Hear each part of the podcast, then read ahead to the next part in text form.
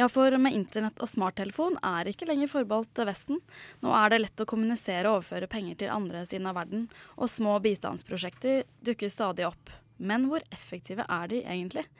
Hvor god er dagens norske bistand, og hva skal til for at den kan bli enda bedre? Eh, for å svare på dette har vi med oss Jo Tore Lind. Du er førsteamanuensis ved Økonomisk institutt ved Universitetet i Oslo. Velkommen. Tusen takk. Aller først skal vi ta litt historie. Hva har tradisjonelt kjennetegnet norsk bistand? Nei, altså Bistand er noe vi har drevet med en, ja, siden andre verdenskrig ca. Eh, litt etter. Altså det, store tanken begynte med Marshallhjelpa. Eh, og dette funka stort sett ganske bra i Europa for å bygge opp eh, Europa etter andre verdenskrig. Eh, og så begynte man å tenke at kanskje man burde gjøre noe, noe tilsvarende for resten av verden. fordi mye av resten av verden var jo veldig fattige. Så norsk bistand begynte en gang sånn eh, på 50-tallet sånn i små, eh, små skritt. Eh, det første var vel dette Kerala-prosjektet, hvor vi skulle da eh, få indiske fiskere i eh, Kerala til å eh, bli like effektive som de norske fiskerne. Og måten man gjør det på, er å sende like fine båter som vi har, og så prøver å få dem til å bli omtrent som oss. Et stort prosjekt hvor vi på en måte forteller dem hva de skal gjøre. Eh, og, altså, dette har vært veldig utskjelt, og mange mente at de var helt forferdelige. Og på noen måter så var det det. Eh, men det var nok en del effekter av det også. Men det var litt Noen tjente mye på det, og ikke så veldig mange tjente så veldig mye på det. Eh, men veldig lenge så var det litt dette at vi skal fortelle dem hvordan de skal gjøre det. Vi skal ha store prosjekter, vi skal bygge en vei, vi skal bygge en fabrikk. Vi skal eh, få ting til å fungere sånn som det er i, i Europa. Um, fram til en gang sånn på 70-80-tallet, hvor man fant ut at dette her funker ikke. Det, det var litt sånn avlat fra fordums tid? Det er litt avlat. Ja. Uh, og litt Altså, bare de, bare de, blir som oss, så blir alt fint. Uh, og vi vet dette best, så vi må reise ned og gjøre det for dem. Uh, fordi disse stakkarene vet ikke hva de skal gjøre. Um, men så ble det mange store skandaleprosjekter hvor dette altså det, det, det, fungerte ikke. Det kunne fungere en stund, og så trodde vi vi hadde fått ting på beina, og så forsvant vi, og så datt alt fra hverandre. Så fra en gang fra 80-tallet så ble det vel en eh, tanke om at um, de fattige landene mer skulle styre ting sjøl. Um, og på uh, Den tanken begynte å komme på 80- og deler, særlig på 90-tallet. Uh, på 80-tallet er det en sånn annen tanke som begynner å komme. At man må legge mer føringer på, på hva landene skal gjøre for å få bistand. det er på en måte ikke nok at det er fattige land. De må også oppføre seg pent.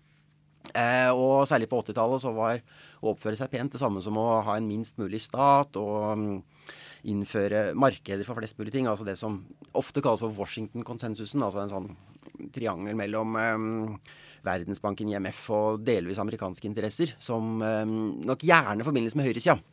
Og hvor store deler av europeisk, iallfall venstreside, uh, var ganske skeptisk. Fra um, en gang på 90-tallet um, så fant man ut for det første at den liberalisering, eller li, liberale um, politikken kanskje ikke funka så veldig godt. Altså Den var, førte til større fattigdom, at noen rike kanskje ble rikere, men at de store gruppene ikke vant så mye på det. og så var man mer fokus på litt det samme som vi hørte i reportasjen. Altså fotballag og sånne små eh, sivilt samfunnsprosjekter. Få, litt sånne ting på beina. For det er et samfunn hvor, hvor ingen hvor ingen, ingen, sånne ting fungerer. De, de, det kan på en måte ikke fungere som et land heller. Så man tenkte at man skulle prøve å bygge det litt fra bånn, og så kommer det etter hvert. Og det er en tanke som jeg tror fortsatt er der i stor grad. Um, så har det mange ender, ender av skalaen, for å si det sånn. Og hva, Veldig mange ender av skalaen. hva vil du si på en måte karakteriserer norsk bistand i dag? Hvis man kan si noe sånt. Det er så enorme mye penger og mange ja, det, prosjekter. Det, er, det er kjempestore beløp. Det er veldig mye vi, vi, bruker penger på. Altså, en av de tingene vi bruker ganske mye penger på, er uh, det som heter budsjettstøtte. Altså at vi støtter statene uh, som er fattige. Og det er på en måte at de vet best hva som er bra for seg sjøl. Så vi bare putter penger rett inn i statsbudsjettet? Man nesten bare putter penger rett inn i statsbudsjettet. Det er litt føringer på hva de skal bruke det til, og litt ettersyn og sånt noe. Men dette er litt skummelt fordi ganske mye av det kan forsvinne i steder vi egentlig ikke har tenkt det skulle forsvinne. Ja, og det har vi jo hørt om uh, en ja. del ganger også. Ikke sant. Men du har forsket på og skrevet om små bistandsprosjekter, og du har konkludert med at mindre og lokale prosjekter er som regel bedre enn store og nasjonale prosjekter. Hvorfor er du kritisk til de store prosjektene? Nei, Store prosjekter eh, er fine på den måten at de er store. altså De kan på en måte gjøre noe stort hvis, man, hvis, de funker. Men problemet er at de ofte er veldig vanskelig å få til å fungere. Hva er et eh, stort prosjekt? bare sånn veldig kort? Bygge en fabrikk, bygge en kjempestor vei, bygge en kraftstasjon. Eh, kraftstasjon. Det er et stort kraftstasjon er et stort prosjekt. Um, og det er et prosjekt som hvis det hadde fungert, hadde vært kjempefint, for det trenger de i mange av disse landene. Men det er så vanskelig å få til. Eh, det er så veldig sannsynlig at det går på ryggen. Eh, og da det krever det kanskje en god infrastruktur og et ja. godt oppbygd stats... Man trenger på en måte et statsapparat og noen institusjoner og noen som gjør jobben sin.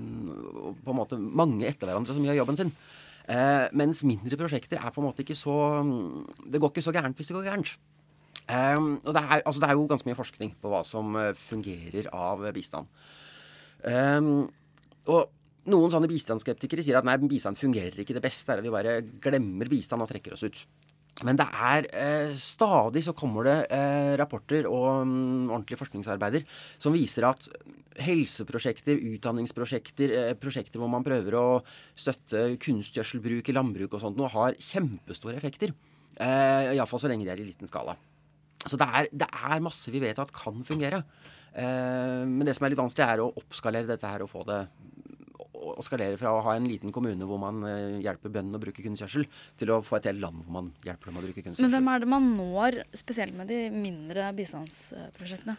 Som man kanskje ikke når med de store, f.eks. bygge et kraftverk? Ja, man prøver jo ofte å treffe i hvert fall de forholdsvis fattige. Altså de, eh, de, aller fattigste av de fattige er notorisk vanskelig eh, å, å, å, å, møte på noen som helst måte. Fordi de er de er, så, de er, så, fattige, og de er ofte så skada av å ha vært fattige i lang tid. Eh, men på en måte de, de, de nest fattigste kan man, kan man, hjelpe ganske mye. Eh, og selvfølgelig hvis man klarer å plukke opp barna på et tidlig tidspunkt, så kan man på en måte hjelpe, hjelpe dem til å ikke bli de fattigste av de fattige. Eh, og det er, det er, en god del tiltak man har funnet for å f.eks. få mer effekt av, av læring for, for, for barn. Fordi etter hvert så er det ganske mange barn som går på, på barneskole i eh, de fleste fattige land. Problemet er at de lærer ikke noe der. Eh, Bl.a. fordi læreren ikke kommer på barneskolen fordi han får så innmari dårlig lønn at han har bedre ting for året. Eh, og de har ikke bøker, og de har ikke materiell osv. Så, videre. så hvis man kan gjøre noe for at de faktisk lærer noe når de også er på skolen eh, Man kan få, få bedre helse ved eh, altså enkle kurer for mark i magen og sånn, noe som kan ha store effekter på egentlig veldig små tiltak. Mm. Kan, kan, ja. Men uh, disse mindre prosjektene de drives jo ofte av privatpersoner som ikke nødvendigvis har kompetanse og bistand. Ja. Kan ikke enkelte tilfeller handle like mye om selvrealisering som faktisk uh, reelt ønske om å hjelpe? Det tror jeg helt sikkert. Uh, altså, jeg tror det er Um, altså Det er nok en gård som ikke fungerer så veldig bra. Og iallfall som ikke har den store sånn utviklingseffekten i det helt sånn store bildet. Uh, men det kommer litt an på hva vi ønsker å få til. Men så lenge du har en enkeltperson å passe på, uh, så, så, så, fungerer en god del. altså Litt av problemet med store prosjekter er at uh, ingen kan på en måte gå og følge alle pengene hele veien. Mens med et lite prosjekt som noen føler eierskap til, og her har jeg samla inn pengene, her skal jeg bruke det til noe, så passer det jo på at det, det, det, kommer dit det skal. Veldig kort til sist. Hvis du hadde vært eh, bistandsminister, hva ville du gjort med norsk bistand da? Um, jeg, ville, jeg er veldig opptatt av at vi skal prøve å sikre at de tingene vi bruker penger på, faktisk virker. Uh, så at vi faktisk også bruker noen ressurser på å evaluere på en ordentlig måte om det går til noe fornuftig. Altså, da krever det kanskje et apparat og en litt større organisasjoner også. Absolutt. Så, det, så vi må også bruke noe på organisasjon. Fordeler og ulemper uansett størrelse på prosjektet. Tusen takk for at du kom i studio. Jo Tori Lind, du er altså førsteamanuensis ved Økonomisk institutt ved Universitetet i Oslo, og også ekspert på bistand.